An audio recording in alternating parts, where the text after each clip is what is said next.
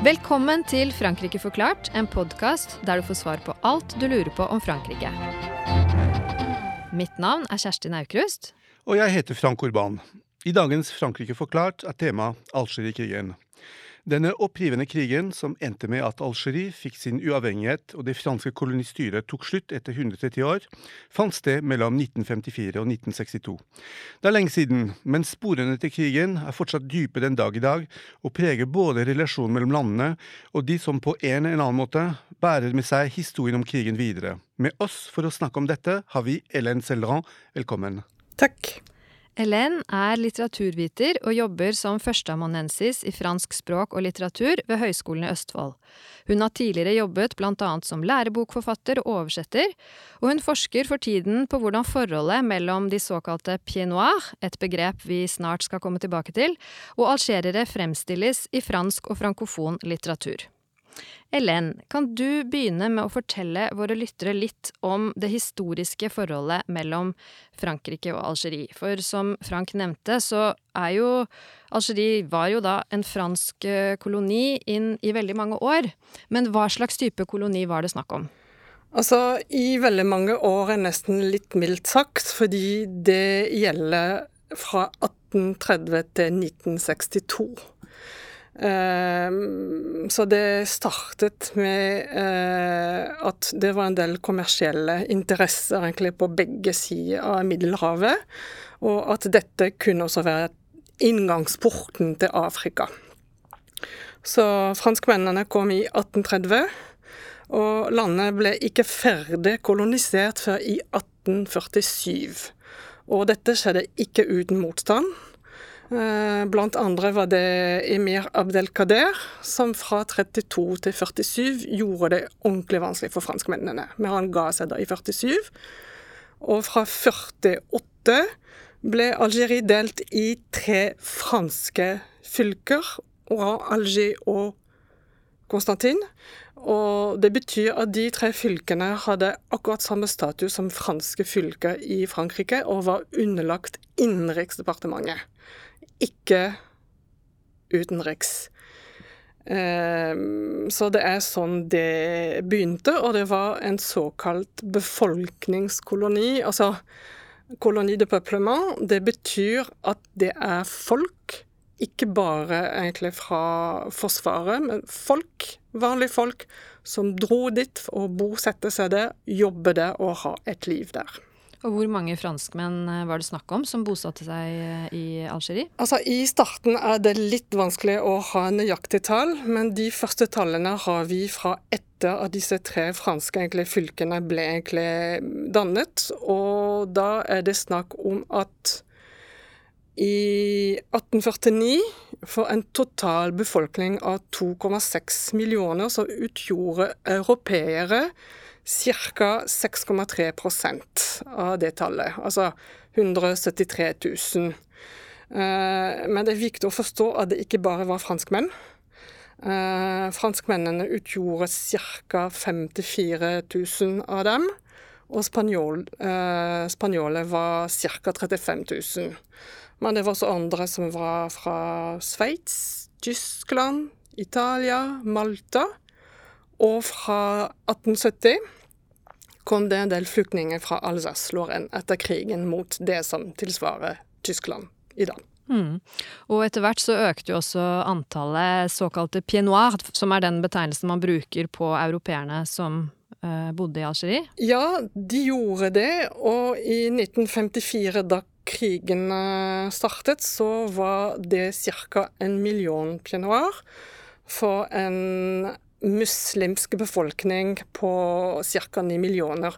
Og det var sånn man sa det på den tida, at man kalte de ikke arabere, men muslimer. Ja. ja. Og kan du si litt om relasjonen mellom lokalbefolkningen og disse pied? Altså, var det, var det et harmonisk forhold? Var det noe eh, Det var vel en del sosial ulikhet. Eh, hvordan levde de sammen? Altså, her er du nesten allerede inne på det vi kaller minnekrigen, fordi det er litt tabubelagt å si at det har vært et nært vennskapsforhold mellom de to, men det har eksistert. Det som er helt opplagt, at det var en god del egentlig forskjell mellom de to, fordi det fantes en altså et sett av regler som var ganske så diskriminerende. Eh, F.eks. når det gjelder mm, stemmerett, så var ikke stemmen fra en araber like egentlig eh, verdt som en fransk stemme. En ting som vi kanskje kan nevne, er jo at uh, araberne hadde ikke statsborgerskap. De var ikke franske statsborgere. De Nei. var jo borgere av det franske imperiet. Så du hadde to ulike sett av uh, regler når det gjaldt europeiske og franske statsborgere og resten av befolkningen. Ja, stemmer. Men det er også egentlig viktig å påpeke at uh, disse franskmennene som dro til, uh, til Frankrike unnskyld, i 62, opprinnelig kanskje ikke hadde noe tilknytning til Frankrike i det hele tatt, fordi de var etterkommere av spanjoler, folk fra Italia osv. Vi ja. snakker om fem generasjoner totalt. Frank, la oss gå over til selve Algerie-krigen. Ja, eh, den eh, krigen fant sted mellom 1954 og 1962. Det er litt uenighet historisk sett om når den krigen e-, e-, e-, egentlig begynte. Ja. Eh, fordi at enkelte mener at den begynte i 1945 og ikke 1954. Men i Frankrike så tok det veldig lang tid før man brukte ordet krig i det hele tatt om den konflikten. Jeg tror første gang man erkjente det, var jo 1999 i nasjonalforsamlingen etter en votering. Og historikerne har vært uenige i seg imellom angående bruken av uttrykket. Hva slags type krig eh, snakker, vi, eh, snakker, vi, om når vi snakker om Algerie-krigen? Helen? For å kunne svare på det spørsmålet må man nesten ta et lite hopp tilbake i tiden og si noe om hvordan og hvorfor egentlig denne krigen egentlig startet i det hele tatt. Um, Eh, det var som sagt store ulikheter i hvordan de to befolkningsgruppene altså var egentlig behandlet på, men det var aldri noe apartheid. Det var ikke det. Eh, og så må det eh, vektlegges at nasjonalismen i Algerie begynte allerede i 1920 årene. Så det betyr at i 54 så hadde det ulmet egentlig en stund. Og som du sier, er det mange som mener at Algerie-krigen startet i 1945 under massakrene som fant sted i bl.a. Sétif, da franskmennene skulle feire at Frankrike var blitt eh, frigjort eh, etter, etter, krigen. Ehm, de som startet eh, krigen, en gruppe som så ble egentlig et parti. Front de Libération Nationale. Eh, og disse hadde planlagt eh, attentater som fant sted simultant 30 stykker i løpet av natten til 1.11.1954. Så det betyr at når denne krigen startet, så var det ikke en hær mot en annen hær, men det var det franske forsvaret mot en gruppe man ikke visste noe eh, om. Du påpekte selv, og det er veldig viktig øh, å, å, skjønne, at det er en forskjell mellom Algerie og andre kolonier. Fordi at Algerie ikke var koloni. Algerie var fransk jord, ja. eh, oppdelt i ja. fylker. Og Dermed så dukker spørsmålet opp om var dette en, en, var dette en borgerkrig. Eh, hvordan skal vi definere det? Var det en kolonikrig, eller en avkoloniseringskrig, eller var det en borgerkrig? Den franske staten ville ikke kalle en spade for en spade, altså at dette var en krig, fordi siden Algerie nettopp egentlig var egentlig fransk, så var det en måte å si at nå har vi en borgerkrig, og det ville man helst ikke ha. Men på en annen side, så om man sa rett ut at Frankrike var i krig mot Algerie, var det også en måte å anerkjenne at Algerie var en stat. Og det kunne man ikke heller. Så man prøvde egentlig å dysse det ned. Det som skjedde da, ble kalt for hendelsene, les événements. Og det som ble gjort for å egentlig å temme opprøret, ble kalt for operasjoner for å opprettholde ro og orden i landet. Bruk av tortur er en av traumene egentlig, som er knyttet til minnet om uh, Algerie-krigen. Og det ble brukt av Forsvaret, det ble også brukt under politiavhør. Um, og det er ikke før veldig, veldig, veldig Altså når det hadde gått egentlig veldig lang tid, at um, den franske staten egentlig erkjente og det var blitt brukt tortur. Uh, under, denne, under, denne, krigen. Men brutaliteten også hadde noe med at de som kjempet denne krigen for Frankrike i Algerie, var ikke profesjonelle soldater. Uh, de var uh, det som heter le contingent. Det betyr de som tjenestegjorde. Og, så det skapte en god del vanskelige følelser. Og så er det viktig å forstå at selv om dette var en krig mot skal vi si, Frankrike og Algerie, så var det også en Altså, Frankrike var på randen av borgerkrig i Frankrike pga. hvor vanskelig denne krisen var for den franske regjeringen. Og i Algerie var det også krig internt, altså mellom Eh, de algeriske styrkene, på en måte. Altså, det var FLN, men det var langt fra kun FLN som ville kjempe for at Algerie skulle være selvstendig. Og de så ikke mellom fingrene for å egentlig henrette de som ikke var enige. Ellen, eh, fransk koloniserings- eller avkoloniseringspolitikk den opplevde, opplevde, varierende suksess. I Indokina og Algerie så endte det opp med krig. Sør for Sahara gikk det mer fredelig for seg. Hvorfor skal det skje Algerie? Eh, hvem, hvem hadde ansvar for det til syvende og sist? Eh, og et annet spørsmål er jo at uh, uavhengigheten den førte tusenvis av franskmenn og europeere til å forlate Algerie. Uh, var dette uunngåelig, eller kunne man ha fått annet, en annen løsning i Algerie? Altså Først om hvorfor det skar seg i Algerie. Jeg stilte faktisk nøyaktig samme spørsmål til Benjamin Stora da han gjestet eh, Litteraturhuset i 2019. og han sa En anerkjent fransk historiker? Ja, som er spesialist på denne perioden. Og som er utnevnt til å lede et eh, en minnekommisjon, eh, men det kommer vi kanskje tilbake til. og han sa til meg egentlig svaret er veldig enkelt. Det er fordi Algerie, det var Frankrike. Og da var det egentlig veldig mange som ikke kunne godta ideen om at landet ikke kom til å fortsette å bli deres. Eh, så det, det er én ting. Men det som også må egentlig Man må se dette i sammenheng med hvilken posisjon Frankrike har internasjonalt på det tidspunktet. Og Algerie er på en måte den siste biten i uh, de tidligere franske koloniene. Og så må man snakke om de Gaulles rolle, selvsagt. Fordi han ble kalt tilbake til makten i 1958 fordi han uh, Altså, Frankrike klarte ikke å løse den krisen. Og da ble Den fjerde republikk avskaffet. Og den republikken vi har i dag, er faktisk en direkte konsekvens av Algerie-krigen. Um, og de Gaulle eh, ga først uttrykk eh, for at han hadde forstått franskmennene. Altså det er en veldig kjent tale hvor han sier 'français, je vous ai compris', og alle var franskmenn. Og så begynte han etter hvert å snakke om folkets rett til selvbestemmelse, altså droit à l'autodetermination des peuples.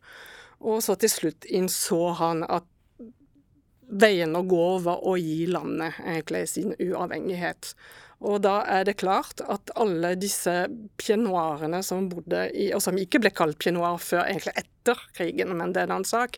Eh, da er det klart at mange så han som den store forræderen. Vi har jo vært inne på disse Pied tidligere. Um, og, og, det var altså slik at uh, disse, denne folkegruppen måtte dra tilbake um, til Frankrike i 1962. Um, og Helen, du er selv uh, Pied Du ble født under krigen i, i Algerie. Kan du si litt om hva som skjedde med din familie etter krigen, og hva krigen betyr i din familiehistorie? Den betyr nok veldig mye, fordi hele familien til min far var i Algerie fra veldig gammelt av.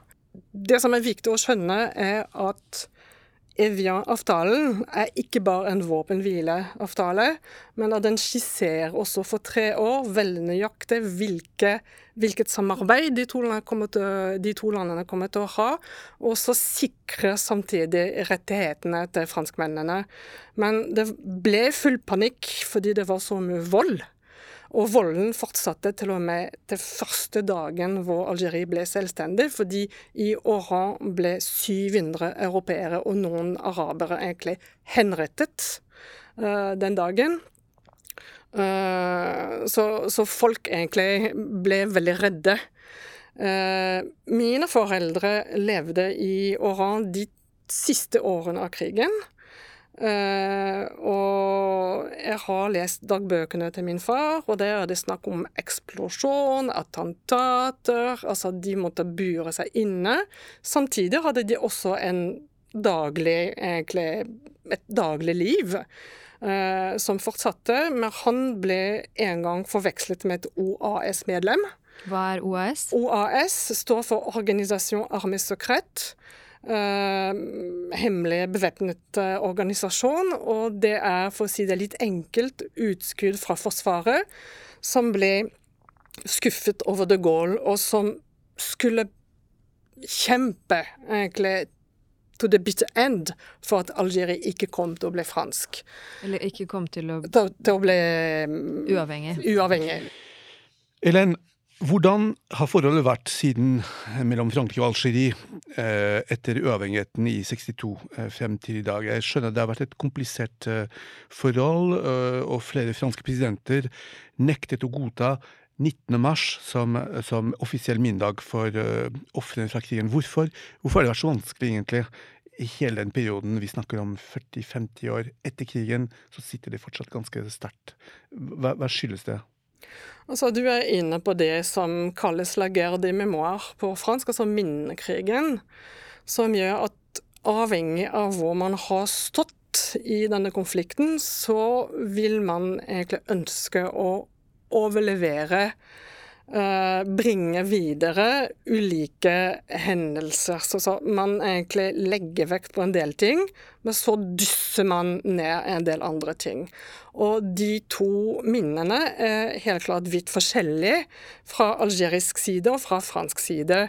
I Algerie vil man fremheve FLN sin rolle som den store frigjøreren, og man vil dysse ned egentlig hvor voldelig de var mot sine egne under uh, krigen.